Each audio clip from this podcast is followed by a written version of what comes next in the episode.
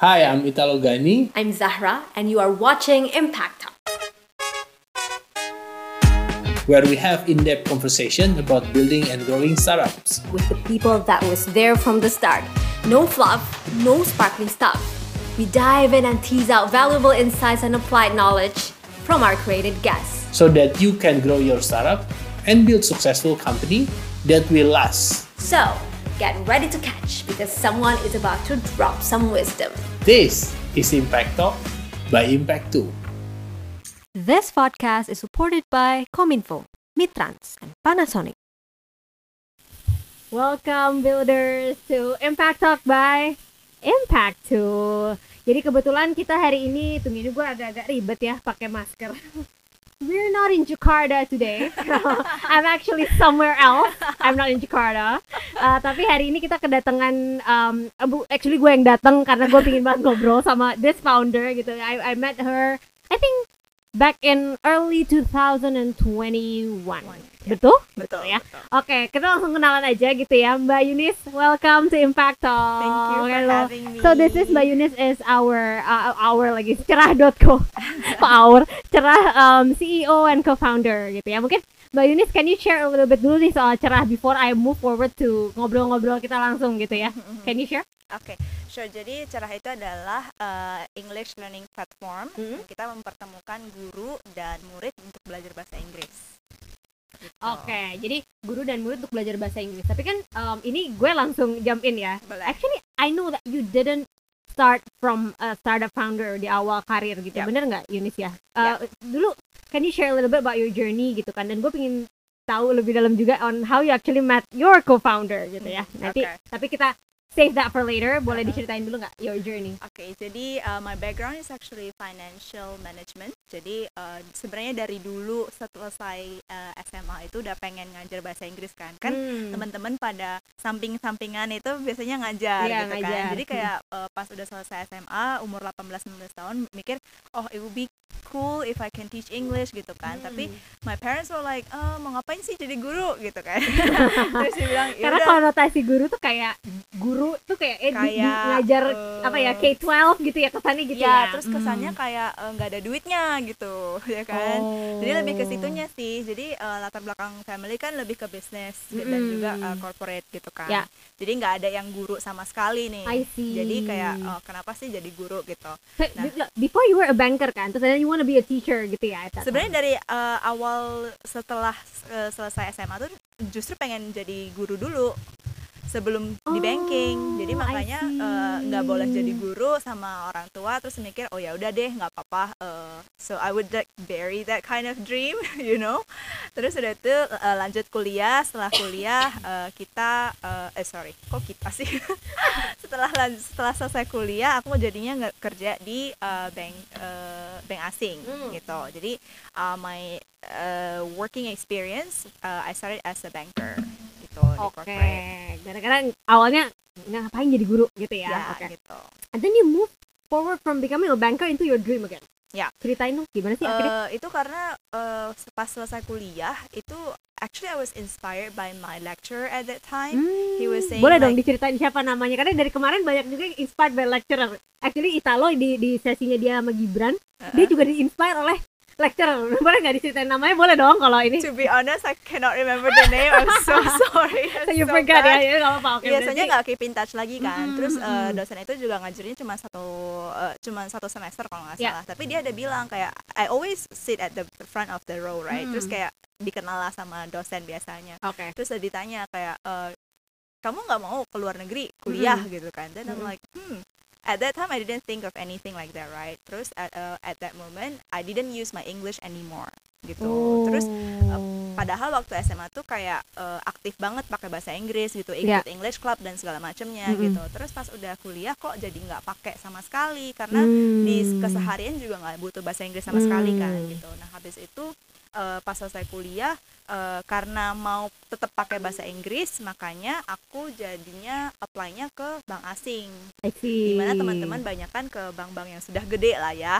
Ya ya ya. tahu ya, lah ya, ya bank-bank yang ya, mana tahu gitu. Bank-bank yang mana gitu. Tapi anda you pick untuk masuk udah deh ke bank asing ke aja. Bank asing gitu ya? karena uh, main reason is because I can use my English. You can use your English. ya nice. balik-baliknya English lagi gitu kan nah terus habis itu eh, bol- apa eh, keluar dari internship tahun pertama terus eh, keluar continue my eh, family's business berapa bulan terus balik Mhm. lagi ke banking karena dipanggil kan Mm-mm. terus udah gitu em, kerja lebih kurang 13 bulan terakhir di bank yang terakhir six months before I quit my banking job I started to think like I really want to teach Hmm. gitu jadi selama enam bulan tuh kayak eh em, cari deh tuition center mana yang lagi butuh guru tapi hanya Hmm. untuk part time ya. yang hanya untuk weekend sama Jadi eh, nyarinya malam. emang yang eh, waktu itu ya udah tuition center aja nggak apa-apa. At Ya. I teach gitu ya. ya gitu karena aku nggak ada Hmm. back- background sama sekali kan so that's how I started gitu jadi kayak mulai nanya-nanya ada sempet eh, apa namanya em, interview di beberapa Hmm. eh, tuition center gitu Ya. kan terus akhirnya dapatlah satu punya teman gitu kan eh, terus eh, jadi selama enam bulan terakhir itu aku pagi kerja di bank masuk jam 8 pulang jam 6an gitu Mm-mm. terus langsung drive ke tuition centernya untuk ngajar sampai jam 9 10 malam every Wah. every day almost every day lah gitu for six Oke. months gitu nah jadi setelah itu kayak hitung-hitung kan gaji gue segini per bulannya terus kerjanya harus berapa jam Harus di kantor lagi, harus kan? travel lagi dan segala macam Ah, gitu kan ah. terus hitung-hitungan kok jatuh-jatuhnya em, apa eh, per jamnya lebih gede guru justru Oh, gitu kan jadi per jamnya lebih gede guru ya daripada banking daripada Nah, banking. itu udah di bank asing loh ya kan tapi aku masih entry level lah Ya masih entry level di Ah. bank, tapi kan tetap it's actually ya a foreign bank, you a know. foreign bank gitu Uh-uh, kan. It's, yeah, a, it's a yeah. good perf- uh, it's a good uh, CV, it's good good enough for my CV juga gitu Mm-mm. kan. But then I was like I'm not earning enough Yeah. gitu loh. Mm-mm. Jadi dari situlah mulai kalkulasi-kalkulasi terus aku mikir kalau misalnya aku jadi full time teacher, I Mm-mm. could actually earn two to three times bigger than what I'm earning now. Tadinya gitu, Hmm, mikirnya duit dulu kan. Duit dulu orang- awalnya orang mikirnya banking ya. kan Ha-ha. gitu. Habis itu baru uh, pas masuk oh ternyata gini gini gini dan ternyata joining a teach a, a- school or a tuition center ternyata lebih rendah lagi daripada kalau private Ah, gitu. Nah tadinya gitu sih. Cuman pada saat waktu aku uh, memutuskan untuk jadi full time teacher uh, dan mau fokus di private teaching, Mm-mm. uh, aku merasa kok nggak ada yang tahu aku ya. So Ya. I didn't get enough students. awareness ya, jadi awarenessnya kayak nggak ada Ya, as a belum ada teacher yang ya. kenal kan karena Hmm. eh, teman-teman yang lain tuh biasa eh, karena mereka udah mulai ngajar dari mulai 18 tahun 19 tahun jadi Ya. ada yang kayak udah ngajar tuh 10 15 tahun jadi udah dikenal lah di kota Medan aku dari Ya. Medan kan Iya, btw gitu. ini Yunis nih dari Medan. Builders, Yunis dari Medan. Oke. Lupa lupa anak ceritain daerah. sedikit. anak daerah. Oke, terus gimana terus gimana? jadi habis itu eh, apa eh, mikir-mikir eh, it would eh, it would be good if there's a platform for me to uh, to promote myself gitu. Yeah. So I ac- actually started searching uh, on Google kan. Terus kayak kok nggak ada sih platform yang bisa apa? Sebenarnya ada kayak beberapa beberapa plat- platform gitu tapi uh, kayaknya websitenya nggak di maintain terus kayak uh, Oh. ribet untuk upload uh, profilnya dan segala macam. Dan at that time mungkin kalau platform pendidikan tuh fokus K-12 dan all all subjects ya at that time ya. Waktu lu search ya di awal. Itu. waktu aku search itu memang khusus untuk eh, English language learning. Oh, waktu itu untuk Ah, English. Jadi kalau edutech pun it's not you don't want to be in a general edutech at that time ya. Berarti. Eh, iya, memang kalau aku Hmm. sendiri pribadi eh, aku mikirnya gini, kan aku pernah diajak juga, eh Hmm. kenapa sih kita nggak buka les-lesan aja sama teman-teman Oh, kan yang Jadi buka kursus ya. ya buka kursus kan dia bilang gue ada ruko nih kita eh, tinggal ini aja ngumpulin murid terus terus ntar lu ngajar terus lu ntar apa training junior junior gitu gitu kan it's a good business model gitu gitu kan terus bilang Iya. but I don't believe in that gitu karena menurut aku Hmm. kalau misalnya sistem pendidikan sudah cukup baik, Hmm. kenapa murid harus sekolah setelah sekolah?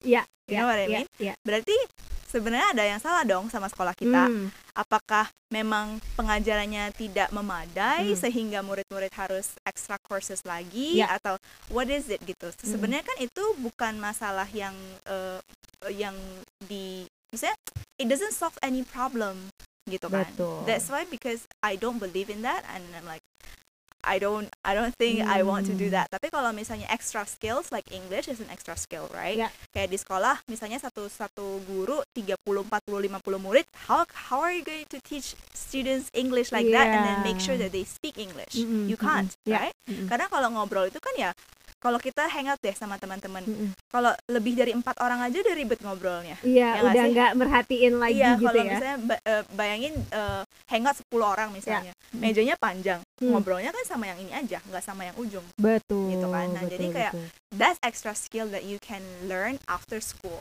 terus Iya, kayak iya. music terus art itu kan sesuatu yang nggak difokusin di sekolah nah that True. kind of thing I'm into it. Ah, so you're into some extracurricular jatuhnya. extracurricular ya? jadi sesuatu yang belum disediakan oleh eh, sistem pendidikan pada umumnya gitu Hmm, oke. Nah, ini menarik sih sebenarnya karena apa namanya? I think yang yang bikin gue tertarik waktu itu sama Italo dengan cerah adalah you focus actually on con- more con- on conversational English. Dan Ya. walaupun kan memang if you have a conversation you have to have a good grammar Yes. dan sebagainya Yes, pasti gitu ya. Boleh nggak sharing dong Mbak Yunis apa sih reasonnya why conversational English? Pasti you have a vision on your own. kan? Yes. So, uh, kita orang Indonesia ya, kita pasti semuanya setuju lah. Uh, 80 at least 80% of the time kita dapat pelajaran bahasa Inggris di sekolah. Hmm, Oke. benar. Dulu di sekolah aku, dalam satu kelas aku ada sekitar 50 murid yang beneran bisa ngobrol bahasa Inggris itu paling cuma Oke. 10 orang. Gitu. Jadi. 20%, right? Gitu. Ya, Nah, ya. itu kenapa? Karena kita di luar sekolah eh, kita ngobrol pakai bahasa Inggris Ya, dan ya. kita ada tuition center dan segala macamnya gitu extra tuition lah gitu nah sedangkan yang tidak berkesempatan untuk extra tuition atau sekitaran temen yang nggak ada yang ngobrol bahasa Inggris nggak Hmm. akan bisa ba- eh, belajar nggak bisa ngobrol bahasa Inggris Benar. gitu kan nah benar. kenapa itu karena ya masuk dalam kurikulum sekolah jadinya kejarnya cuma nilai Betul. not necessarily the skill gitu Jadi memang bukan actually learning English because not not because you really wanna learn English, tapi karena ya emang diharusin Iya, ya udah ada gitu di Kayak- kurikulum kayak gitu. ada yang sejarah eh, nilai sejarahnya bagus tapi bi- bi- biologinya jelek ada Uh-uh. yang eh, fisikanya bagus tapi Mm-mm. geo- geografinya jelek nah kayak gitu-gitu karena ada yang memang kemampuan linguistiknya nggak nggak terlalu bagus which is fine gitu tapi Ya benar. kenapa semua murid eh, cara belajarnya disamain dan eh, pace belajarnya disamain Iya. gitu. Nah, ya, kan kalau misalnya bahasa itu kan sebenarnya eh, cara belajar bahasa itu adalah cara sama seperti cara kita belajar eh, belajar ngomong pada saat kita masih kecil, ya, gitu benar. kan. Nobody tells the kid, okay, book is buku atau apa is apa gitu But you kan. just learn it, you you, just know. learn it because you hear it enough. Uh, the first two years of your life, you hear it enough, gitu kan. The moment you say the first word, that's the language that you are surrounded with Iya, iya. gitu kan. iya, nah, iya, jadi iya. konsepnya seperti itu gitu loh. Nah, jadi kayak banyak orang yang justru malah eh, misconceptionnya seperti ini. Jadinya, oh berarti eh, cerah itu nggak penting grammar ya, sama sekali nggak penting ya. Salah, Mm-mm. bukan. Justru kita penting grammar, tapi grammar itu harus langsung dipakai, bukan dibaca. Iya, Gitu. jadi itu kayak ngafalin oh grammar misalnya kayak ya misalnya kayak uh, ing apa itu nggak bukan Ya, dihafalin tapi so- you actually practice. Yes, right? instead of instead of telling you contohnya Uh. Zara murid nih ya Uh-uh. kayak oh today we're going to learn simple present tense the Uh-uh. simple present tense subject plus verb plus this plus that no we don't do that Uh, tapi oke hi Zara how are you today oh I'm good. Oke. Yeah. so what do you do these days Hmm. right um, what's your favorite movie Hmm. what do you do at the weekends Ya. so ya. all of those questions will require you to answer me in simple present tense right? Nah dari Hmm. situ dulu, oke eh, muridnya udah jawab kan, oke dari kalimat-kalimat ini, nah salah satu yang eh, bikin orang nggak tahu improve, nggak bisa improve adalah dia nggak tahu kalau dia salah, benar. ya kan? Iya. Nah makanya eh, di kita adalah oke, we make you speak and then we correct you, ya kan? When we correct you, Hmm. we want you to repeat uh, the corrected sentence again. Ya. Oke, repetition is important gitu. Jadi sebenarnya kita eh, eh, belajar bahasa itu bukan dihafal, tapi kayak seberapa sering kita Hmm. pakai itu bahasa. itu yang menarik dari bahasa ya. Mungkin sebenarnya nggak cuma bahasa ya, it's applicable for Sebenarnya anything nggak semuanya ya, sih? Iya sebenarnya nggak sih semuanya sebenarnya? ya. Tapi paling mungkin paling santer kelihatan banget tuh di bahasa ya. Ya. Kayak if you practice it more, then you can like actually betul, betul. uh, Sebenarnya learn sama kayak belajar eh, naik sepeda misalnya, eh, atau belajar berenang gitu kan. Mm-mm. Jadi kalau misalnya kita mau bisa berenang tapi nggak pernah masuk ke dalam kolam, nggak akan pernah bisa kan. Mm-mm, Kayak mm-mm, I mm-mm. cannot swim, I cannot Iya benar-benar. ride a Menarik, bike menarik. gitu kan. Gitu. Nah, tapi I wanna ini kan kita kan ngomongin tentang startup gitu ya. I think what's interesting for me adalah startup always comes from a problem. Yep. Itu yang gue temuin gitu kan along the way ngobrol sama banyak startup pasti ada problem yang mau di solve. Jadi kalau tadi kan you come from your perspective as ya gue ngerasa sebenarnya permasalahan ini uh, ada di permasalahan di edukasi di Indonesia dalam belajar bahasa Inggris. Yep. Tapi mereka nih orang-orang yang menjadi customernya cerah ngerasain nggak sih? Actually that's a problem. Enggak kan ya? Atau iya? Eh, ada dua nih. Ada dua ya? ada murid yang tahu. Mm-mm. Nah, ka- karena kan masing-masing orang itu eh, kemampuan linguistiknya beda-beda ya. Hmm. I can say that I'm good in linguistic. Eh, karena kalau misalnya dengar sesuatu kata yang baru, misalnya bahasa yang baru, Ya. aku secara cepat bisa ikutin gitu. Hmm. Nah, tapi nggak semua orang gitu. ya Betul. kan? Nah, I'm jadi- not. Ya. Gue nggak gitu. Gue nggak gitu. Eh, tapi ada orang yang nggak bisa jadi Ah. jadi mau udah diajarin juga kayak it takes time bukannya nggak bisa sama sekali ya Mm-mm. but it takes longer time gitu Oke. Nah, jadi kalau untuk ini eh, ada murid yang datang oh kok kita nggak belajar grammar pakai subject plus verb plus apa sih gitu Mm-mm, kan ada yang bi- be- eh, merasa gitu Mm-mm. jadi mereka nggak merasa belajar gitu Mm-mm. jadi kita jelasin eh, haven't you been doing that your whole life Mm-mm. can you speak English now why not try something different Ah, dan mereka baru sadar actually that the problem it is ya. ya Oke. gitu Oke.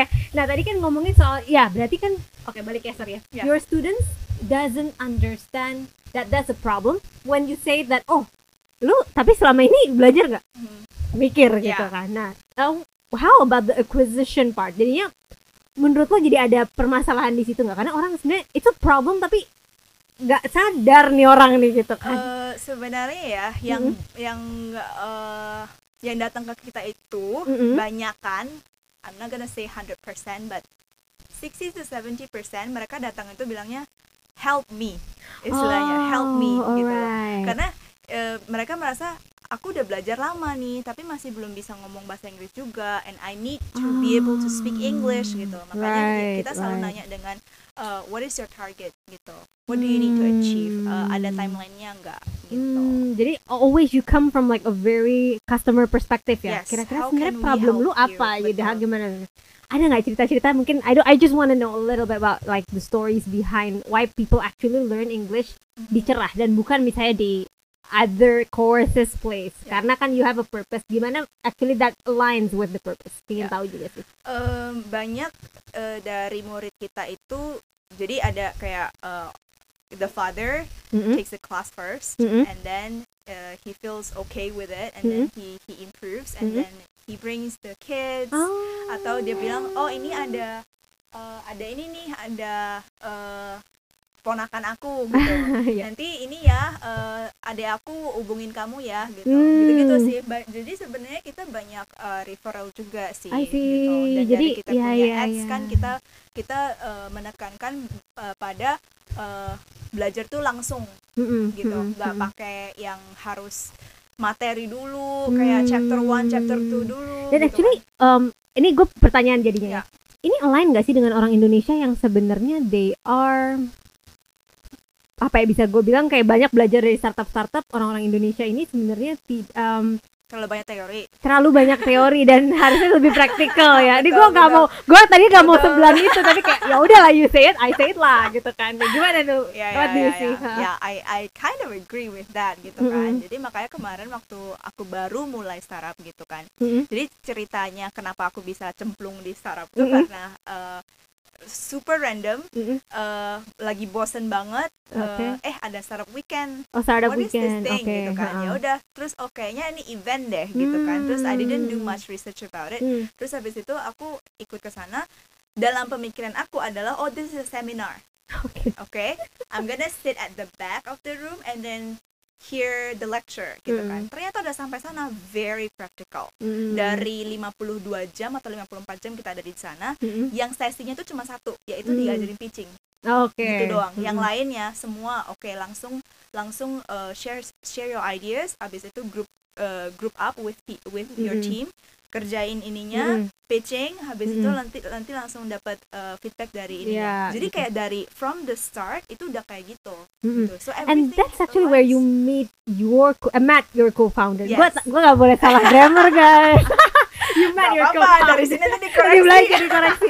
Yeah, that's where you met your co-founder ya, Ya, bener ya, ya, ya, si betul. David gitu. Tadi cerita sedikit soal Ya. itu tapi coba balik lagi tadi ke startup weekend so practical itu ya ya. it's very practical jadi from the Mm-mm. get go dari awal aku uh, starting my my own business and startup dari konsep belajar startup dan bangun bisnisnya itu juga udah very practical I see. gitu. Nah, jadinya sejalan dengan kita punya eh, kepercayaan bahwa belajar tuh nggak bisa cuman diomongin, nggak Mm-mm. bisa cuman gua kasih tahu lo gitu Mm-mm. loh, tapi harus dikas di, di dikerjain langsung gitu loh. Iya, iya, iya. Oke, oke. Menarik, menarik. Nah, balik lagi soal you met your co-founder di sebuah event yang namanya Startup Weekend ini Ya. gitu ya. What's interesting from your profiles adalah kalian comes from a different culture. Banyak sih me- co-founder-co-founder yang kayak gitu. Mungkin yang what I know kayak contoh Zendit ya, Moses Lo sama Tessa sama Bo tuh kayaknya they have they come from different nationalities. Ya. Terus si um, yang ada juga oh Happy Fresh ya, Gulem sama Fajar Budi Prasetyo gitu kan. Nah, em, banyak yang gini loh apakah gua kalau co-founder nih harus kan katanya eh, gini ada satu podcastnya si Chris sama si Italo juga bilang chemistry Hmm. gitu ya Um, tapi kan kadang-kadang different cultures causes different kind of ways of doing things ya kan Yap, chemistry yap, jadi yap. susah ayo um, gimana dulu sama David di awal apalagi kalau mau dapat product market fit you have to understand Indonesian market gitu Ya, kan ya, nah ya, itu ya. boleh gak diceritain Seru nih Uh, kayaknya. Well, I would say it's a roller coaster ride, like Hmm. literally roller coaster ride. Iya. One day kita bisa oke synchronize banget nih kayak Hmm. uh, pembahasannya enak banget, Iya. kayak uh, setuju, maksudnya kayak uh, same apa ya on the same page on a On lot of things page, gitu iya. kan. Tapi on the other on the other day bisa kayak gue belum jelasin belum selesai jelasinnya gitu kayak udah udah overlapping gitu kan Hmm. something like that jadi kayak uh, aku dengan pemahaman aku sebagai uh, the apa the operation part the business part Mm-mm. sedangkan uh, the, my co-founder itu kan CTO-nya kan. CTO-nya. jadi kan dia, dia punya cara berpikir kan very technical engineering gitu Mm-mm. kan jadi kayak hal itu yang yang be- bener banget sih. Kayak it's very hard tapi it's a process of uh, building communication. So that's that's what I think. Karena uh, sebenarnya dari nationality apa pun itu kita sama orang Indonesia juga bisa salah paham, Salah paham, cara mm-mm. berpikirnya juga beda gitu kan. Juga, jadi kayak sebenarnya menurut aku pribadi ya, it doesn't really matter, Mm-mm. tapi lebih ke uh, gimana can you trust the uh, co-founder Mm-mm. terus pada saat kita berantem pun Mm-mm. uh, pemikiran kita adalah none of us uh, is having any bad intention towards Yeah, anybody yeah, yeah, gitu. Jadi kayak semuanya memang pembahasannya ya hanya untuk untuk kemajuan dari the company, The company. gitu. yang menarik gini sih product market fit ini kan apa ya kalau dibilang PMF itu selalu kata-katanya oke you have to you know understand the market lo Hmm. harus ngobrol sama customer lo uh, lo harus bisa coba dari posisi dia bahkan ada yang se ekstrim oh, you have to do ethnography gitu ya supaya tinggal bareng your customer ada yang sampai kayak gitu is it difficult for your co-founder yang non Indonesian to understand how Indonesians do things awalnya dan uh, gimana akhirnya bisa you know um, ngelakuin user research yang efektif buat Da- David juga pastinya kan gitu. He becomes our own student. Oh, Jadi uh, kita kan uh, uh, menghubungkan guru bahasa Inggris dan guru bahasa eh sorry, Mm. guru bahasa Inggris untuk ngajar bahasa Inggris ke orang Indonesia kan. Iya. Nah, jadi dia tuh belajar bahasa Indonesia sama Alright. guru Indonesia Pakai gitu kan. methodnya. Pakai bahasa Inggris, pakai kita punya method Oke. gitu kan. Nah, jadi dia juga jadi uh, customer-nya lah dal- uh, in a way gitu kan. Nah, dari situ baru uh, dia bisa ngerasain oh sebagai customer kalau aku diajarin cara gini gimana gimana gitu. Jadi kayak Iya, iya, jadi iya, dia juga iya, ngerti iya. dari Juga point of ngerti, view-nya. Nah, dan untuk tahu dari perspektif guru, dia juga ngajarin aku Spanish. Ah. Jadi dari situ kita ngerasain nih, oh kalau misalnya dari guru, dari segi guru siapin materinya gimana gimana gitu loh. Nah, jadi dari situ kita Hmm. benar-benar so we become our own customers so that we can That's understand. it. interesting. Yeah. That's interesting. Karena you came from different nationalities, then you can experience what actually your students and your teachers Yeah. experience. Dan semua tim kita, uh, Mm-mm. kita sekarang uh, timnya bersepuluh, semuanya kita uh, download our own app. uh, Hmm. Become our own students, become our own uh, teachers Hmm. gitu. Jadi semuanya bisa ngerasain first hand experience supaya Hmm. mereka bisa ngebantu guru dan murid. dan juga bisa ya kayaknya kalau karena kalian karena kalian tuh two sided business you have the teachers you have the Yes. students kalian juga harus ngerasain gimana dealing customer to deal both the teachers and the students Yes. with the app ya Yes. gitu interacting with the app nah yang menarik balik lagi soal intention orang untuk belajar bahasa Inggris tadi ada yang ceritanya uh, you uh, mereka tadinya bapaknya and then ngajak anaknya gitu ya cuman Hmm. kalau di Indonesia ini kan sebenarnya banyak yang tadi stuck with oh gue pengen belajar for just K-12 you know kayak udah gue Ya. uh, uh, apa namanya bimbel lah bahasanya ya, Ya, ya. kalau di Indonesia tapi um, I wanna know any kind of purposes yang mereka apa ya uh, problem mereka tuh sebenarnya ternyata apa yang along the way that you feel oke cerah nih working karena orang memang punya problem itu Ya. karena kan pasti you have a hypothesis di awal orang tuh ya bahasa Inggrisnya cuman nggak nggak beneran belajar mereka Ya, tuh nggak ya, practicing tapi kan itu harus dites Ya, hipotesisnya betul, betul. Jadi eh, kita ada satu murid contohnya ya, contoh kasus ya. Satu murid ini udah belajar lebih kurang setahun tapi Hmm. anaknya nggak improve. Oke. Oke. Nah, kita tanya dong gimana gimananya. Mm-mm. Nah, Dan eh, dari segi gurunya, gurunya bilang I give up teaching this student waduh gitu. oke Nah, terus aku tanya dong masalahnya apa gitu Mm-mm. kan. Nah, ternyata si guru bilang eh, kayaknya eh, apa orang tua murid lebih fokus ke nilai bahasa Inggris si anak di sekolah gitu. Nah, dan dari segi orang tua murid dibilangnya adalah kok anak saya belum improve ya gitu. Jadi kan kita yang di sini loh eh, gimana ya kita mau ngajar anak sesuai dengan dia punya kemampuan saat ini Mm-mm. terhambat dari eh terhambat dengan eh, ekspektasi si orang tua untuk mengebantu bahasa Inggrisnya si anak eh, di sekolah gitu. Mm-mm. Sedangkan anaknya itu eh, eh, maksudnya level bahasa Inggris di sekolah belum tentu sama selevelnya dengan si anak gitu. Nah, kecenderungannya sekolah itu lebih susah daripada level si anak Hmm, gitu. Nah, ya. akhirnya nego dong sama Hmm. orang tuanya. Boleh nggak? We try, we focus on the students current level. Mm-mm. Karena kalau kita bantu di current level eh, dan anaknya improve itu akan ngebantu di dia punya sekolah. Mm-mm. Tapi kalau kita fokus di sekolahnya dulu tapi nggak mulai dari apa yang dia eh, di mana dia ada sekarang, itu akan buat dia bingung gitu. Jadi kayak kita bangun rumah bukan bangun luarnya dulu nih, tapi Mm-mm. fondasi bawahnya dulu gitu. Setuju kan? Oke, Mm. let's just continue gitu loh. Ya ya ya Gitu ya ya ya. Dan ini ya, edutech typical. Product market fitnya is not the, the students, the, the the the parents sometimes. Yes. Kalau misalnya memang uh, gini, kalau memang yang diajarkin adalah anak uh, uh, K12 ya, mungkin yang dari Ya. SD sampai SMA itu PR-nya ya. You Ya, have actually ya. the customer is the parents gitu ya. Betul, betul. betul. Ada nggak any kind of struggle yang you face gitu ya as a startup karena yang pain point-nya ini sebenarnya pain point anak tapi you have to convince the parents instead. Yes, of course. Of course ya. there were times that we said to the parents that sorry we cannot provide the teacher for you because our expectation is different and then it Hmm. seems like uh, ya lu emang kayak- ngerasain problem yang pingin gua solve jadi Iya, ngapain gitu. gitu, Jadi ya kayak contohnya misalnya kita pernah dapat komplainan nih dari orang tua ya. Yap. Eh, dibilangnya gini, "Eh, anak saya nggak bisa soalnya gurunya ngomongnya bahasa Inggris terus gitu kan. Terus dalam pikiran aku, kan memang belajarnya bahasa, Bahasa Inggris, ya. Inggris. Jadi kalau Uh-uh. misalnya belajar bahasa Inggris sampai pakai bahasa Indonesia gimana ceritanya iya gitu kan. betul Nah, jadi banyak orang yang salah paham tuh kayak, oh anaknya nggak ngerti gitu. Padahal sebenarnya bukan soal ngerti nggak ngerti, soal Hmm. membiasakan diri. Jadi meskipun ngertinya cuma 10%, 20% it's fine Yap. because that's building the habit, building the the familiarity to the language. Iya, iya, menarik, menarik. Dan apa namanya, ini yang jadi kadang-kadang PR di edutech itu tuh yang gue selalu pelajarin, oh ini yang harus di convince the parents, yang ngelakuin studentnya, and you have the teacher as well. Ya. Gitu kan, jadi Makanya kayaknya kita makanya dari kita kan kadang eh, ke muridnya kita, kita gimana ya? We somehow become the accomplice of the kid. ah, You know, like, iya. It's okay, I'm not gonna tell your mom gitu loh. gitu karena kayak Iya, ya iya, iya. to do our job kita harus kayak gitu gitu loh. Karena, karena you wanna solve the problem of Exactly, the kid. karena gitu kita kan. maunya dia anaknya yang ngomong kalau misalnya anaknya udah nggak nggak semangat untuk belajar, eh, biasanya kan kita kita akan tanyain kayak, eh, are you happy here? Do you like it here?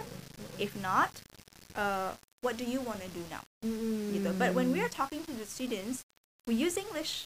That is learning. That is learning. That is learning. Jadi nggak Right. harus yang oh harus ada bukunya apa segala macam baca apa no it's not like that. Great, ah, seru sih. Ya, ya, ya, bener. I, I just gini, iya ya, nanya tetap pakai bahasa Inggris. Because Iya. that's the way he Iya. learns atau he or she learns juga. Iya, Gitu ya. Menarik, menarik, menarik. And um, how how many times kayak lu kan, gue ini yang gue salut juga. uh, setiap kita lagi ngobrol, lu cerita kalau misalnya ada satu aja murid yang misalnya tiba-tiba nggak retain gitu ya. And then you talk directly to them Yes. gitu kan. Um, ada nggak reason di balik itu? Why sih gitu? Why do you really like benar-benar care sama satu-satuan all your students kalau mereka retain? Especially you are in early stage. Ini penting Ya kan sebenarnya. penting banget sih karena kayak satu hal ya orang Indonesia tuh biasanya sering nggak enakan. Iya. So to get honest feedback from students from customers is so hard so hard so hard. Jadi kalau misalnya ada yang komplain tuh kayak oke, this is interesting because I can talk to this person and I can really find what is the Ah. problem gitu kan. Hmm. Uh, tapi ya of of course we're gonna compensate gitu gitu. Mm, Kalau emang udah nggak happy banget kita Mm. pasti compensate sih. Kita Ya, if the if the customer is not happy at service all level agreement ya gitu kita ya. refund atau gimana Ah. kita kasih uh, kelas gratis gitu, dan Ya, segala ya, ya. macamnya lah gitu jadi kayak um, ya we we do that karena uh, kalau nggak gitu kita nggak akan tahu apa yang sebenarnya orang butuhin Ya. gitu karena eventually they are going to be the the the ones who who use our product kan Right, right. gitu. Menarik, menarik, menarik. Jadi ya, um, kayaknya yang menarik tadi kata-katanya adalah ya apa namanya uh, orang Indonesia ini sering kali nggak terlalu nggak blunt ya memang. nggak oh blunt. tapi there's there's uh, apa um, Oke, so this is very interesting kan kita selalu nanya nih oh kenapa nggak lanjut kan Mm. kita selalu caranya adalah kita kurangnya di mana Kita gitu. kurangnya di ya mana. jadi kita selalu Oke. ngaku bahwa kita tuh kurang nah Mm. kurangnya di mana please let us know so that we can improve gitu kan Mm. terus pernah sekali kita dimarahin kita bilang gitu udah dibilang kalian nggak ada salahnya cuman aku nggak ada waktu aja gitu jadi kayak you keep asking me this question Question, as if I don't, no, gitu. there's actually no problem. no gitu. problem gitu Ah, kan gitu. ah, then we're like ah, okay ah, we are sorry that we disturb you gitu. Terus hari ini hari ini banget like literally hari ini uh, kita dapat uh, satu tes testimoni kan. This is like this this message really made my day sih. Ini kan kita tanya kan Yeah. oh kenapa nggak lanjut? Gitu uh, kekurangannya di mana gini gini. Dia bilang "Mm, uh, nggak ada kekurangan kok justru uh, I have achieved my goal. Jadi bulan uh, uh, bulan 4 kemarin uh, aku mau uh, belajar bahasa Inggris supaya bisa dapat kerjaan di luar negeri Oke, gitu. dia mau dapat kerjaan di luar ya negeri. di bulan 8 dia apply bulan 10 dia dapat Oke. sekarang dia sibuk kerja in that Ah, company Because dia keterima di company Yes. itu because they learn English with you. yes and I was like And that's the founders. I can ya. die peacefully but Ah, not yeah, yeah. But that's the vision that you wanna achieve yes, actually. yes, ya. yes, menarik, yes. menarik. That's Oke. exactly why we do what we do. Yeah, nice, nice. I like the vision. Um, mungkin as a closing statement karena memang um, apa namanya ini gue menarik tadi yang mungkin what I get a lot adalah satu I love your energy and David's energy, your vision Thank to you. actually apa ya revolutionize edutech in a way. Karena kalian nggak beda dengan edutech lainnya, kalian fokus on uh, practicing and apa ya lebih ke practicing lah ya, lebih ke Yeah, practicing doing every day, doing it gitu, bukan cuman ngafal, belajar tuh kayak ngafal No, no, no, no, gitu ya, no, no, satu itu. Dan kedua um, what I see adalah tadi akhirnya um, people yang benar-benar menggunakan kalian untuk problem yang ingin kalian solve tuh ya akhirnya bisa achieve what they wanna achieve gitu ya. I think um, that's interesting dan juga tadi kita ngobrol soal founders gitu ya um, it's okay actually to find banyak yang lagi nyari CTO actually gitu ya Okay. banyak banget yang cerita sama kita oh I'm actually finding a CTO terus tapi kalau gua kerja sama sama orang luar nanti gua nggak cocok yang kayak gitu-gitu Tergantung komunikasinya. Tergantung. Pertama bahasa Inggrisnya dulu bagusin. bahasa Inggris bagus Langsung. bagus boleh nice gitu ya. Business bahasa minded. Inggris. Business minded. Oke. Em, eh, ini yang eh, dari kalian yang penting tadi ya. Maksudnya em, David akhirnya belajar eh, untuk menjadi customer kalian Yes. juga gitu ya, Sekarang udah ah, bisa bahasa Inggris jadi dan bahasa Indonesia. bahasa Indonesia. Oke menarik. Oke. Um, a closing statement for probably satu ya orang yang saat ini lagi trying to become a founder. Tapi mungkin in your condition kayak tadi kayak um, I was coming from a banking background gue pengen jadi guru. And then you, ah, tapi gue pengen bikin platform out of it terus kayak ini harusnya gue jadi founder startup atau gimana sih? Gitu kan. Pasti banyak orang yang punya kebingungan yang tidak persis sama tapi Ya. ada lah kesamaannya gitu. Ya. can you share apa sesuatu yang from your experience dan pingin you show to the builders at home. Um you you build you build something you build the company or the solution. Hmm.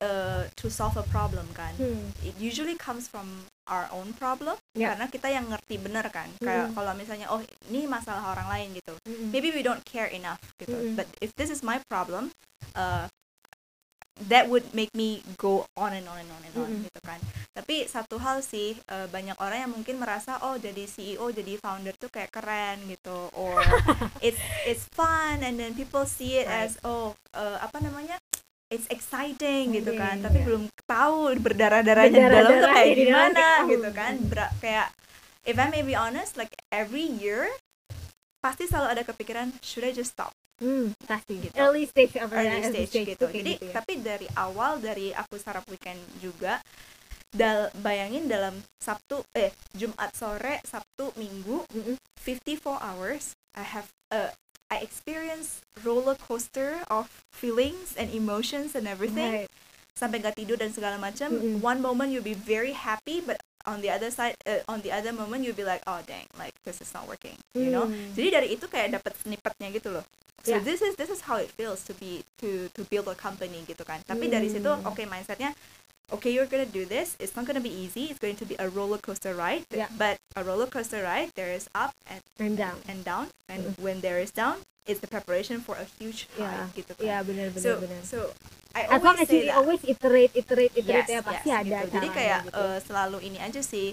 Basically apa apa segala sesuatu yang udah dibahas I, I think banyak orang yang udah nonton kayak podcast, Podcast, seperti ini, uh-uh. baca buku dan segala macamnya kayak you will hear and see the same the same thing that is said by a lot of people. Yeah. But then it will be different when you do it yourself. Do, just do it Just do it. just do it. Gitu. Nice, just do it because uh, banyak yang banyak kepikir mikir, mendingan lu langsung lakuin aja lah. Iya, langsung lakuin Iya. aja karena kayak nggak akan nggak akan dapet itunya kalau misalnya cuma ngomong doang. Oke, nice. That's something that I key takeaway yang paling penting adalah just do it because sometimes kebanyakan mikir uh, for founders then probably you're not a founder because you're still thinking gitu ya. Kebanyakan Ah, kalkulasi ya. kebanyakan mikir.